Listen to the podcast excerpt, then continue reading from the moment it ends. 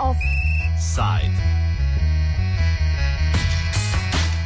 Vključevanje javnosti ob sprejemanju novih pravnih aktov.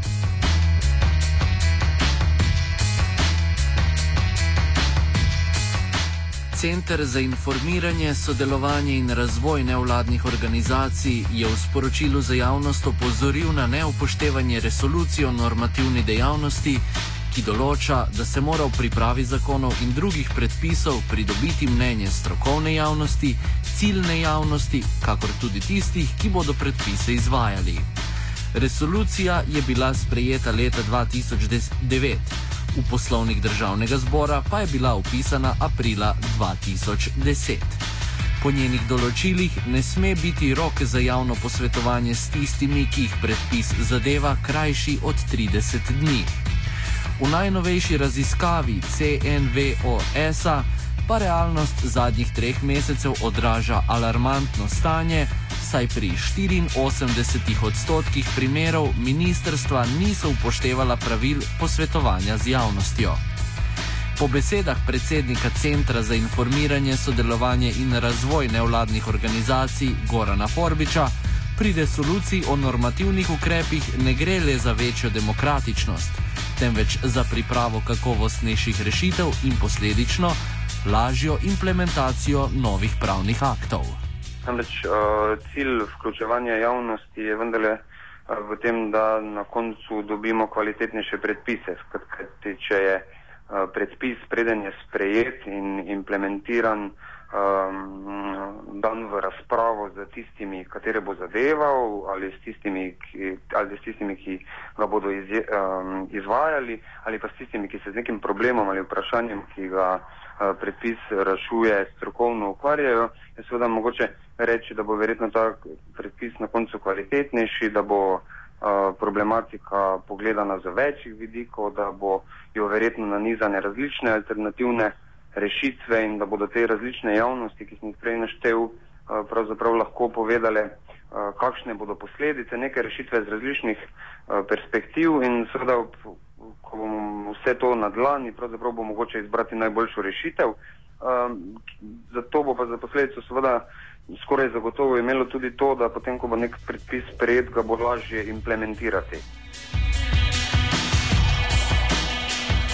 Upoštevanje resolucije o normativnih ukrepih ne kaže le pozitivnih učinkov pri oblikovanju zakonov in predpisov, temveč tudi pri upoštevanju pravnega reda, kar je Goran Forbič utemeljil na primeru zakonodaje za avtoprevoznike.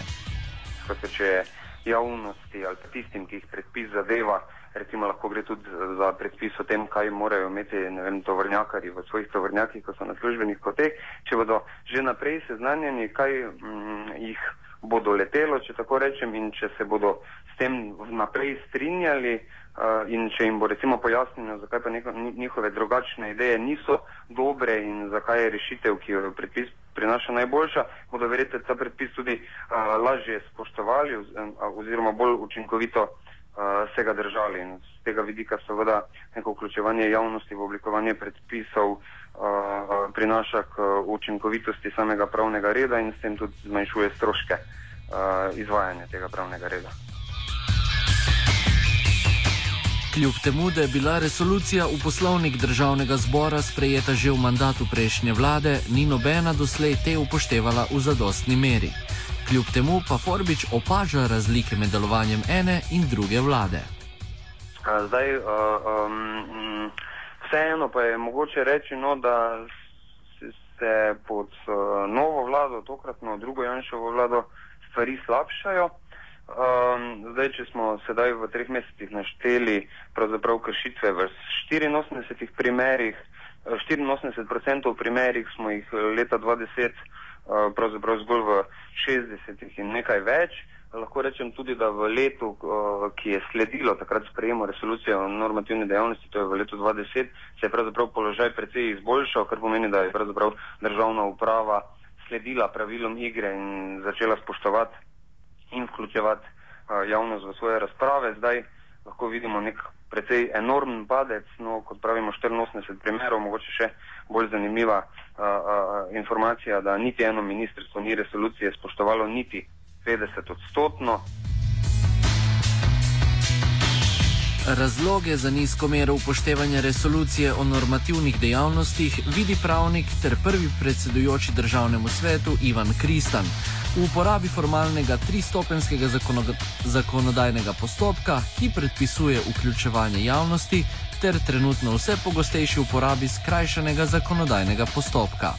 Za mene se torej zdi normalno, da se pričakuje, da se pri vsakem zakonu ne, upošteva recimo širše javno mnenje, predvsem eh, interes tistih, ki so bolj prizadeti, da se tu strokovna združenja povabijo, da dajo svoje stališče in tako naprej. Ampak eh, eh, vse to je en, en sestavni del postopka recimo javne razprave, če je to trifazni postopek, in pa zdaj so pa tu zakoni različni.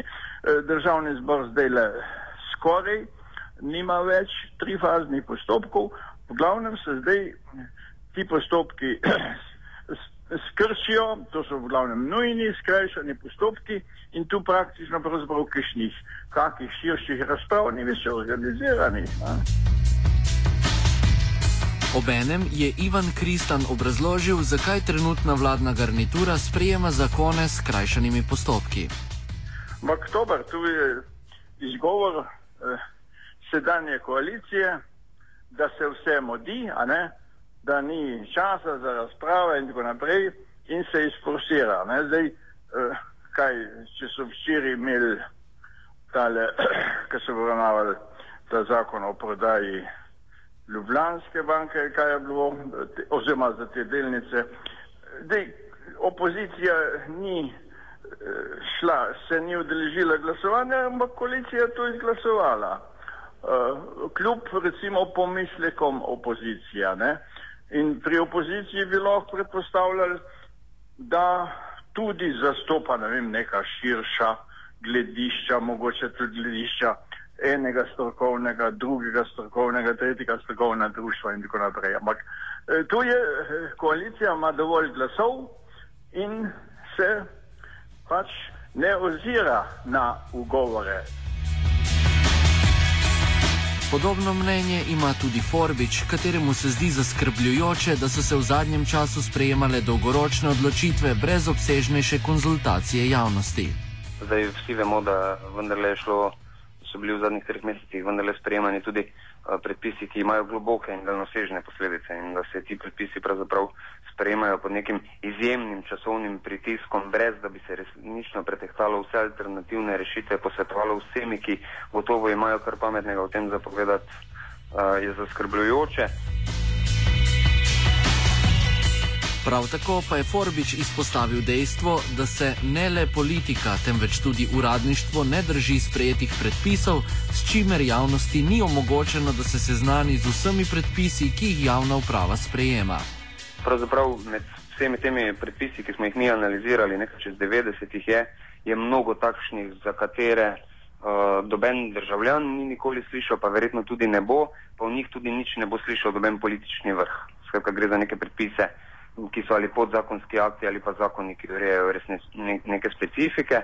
Uh, ampak zanimivo je v tem, da pravzaprav očitno uh, je začelo uradništvo tudi samo kako bom rekel, načrtno kršiti vsa pravila igre. Uh, rekel bi, da morda, uh, če se je v 20 politika zavezala, da, bo, uh, da bo javnost ustrezno vključevala pripravo predpisov, je temu v letu, zače, letu zatem začelo slediti tudi uradništvo in pravzaprav potem v naslednjih dveh letih smo imeli izredno malo kršitev, pa zdaj, ko vidimo, da politika poglavitne zakone sprejema kar neposredno na vladi, brez da bi jih sploh uradništvo pripravljali in to pod izjemnim časovnim pritiskom in brez spoštovanja katerihkoli pravil igre, da so to očitno sedaj začeli na vsakodnevni ravni početi tudi uradniki s predpisi, ki a, morda niso tako pomembni in s katerimi politika neposredno sploh nima opravka. Tako da bi zdaj tu lahko rekli, da na nek način gre tudi za demontažo a, javne uprave ali pa pravil, po katerih bi javna uprava morala delovati.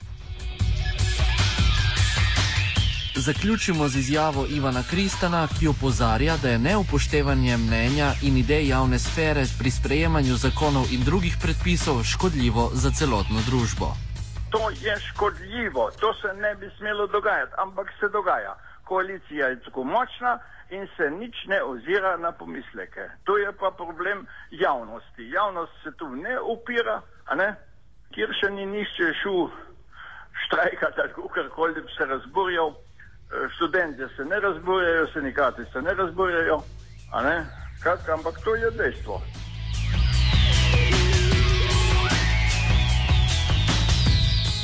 Offside je pripravil kožuh.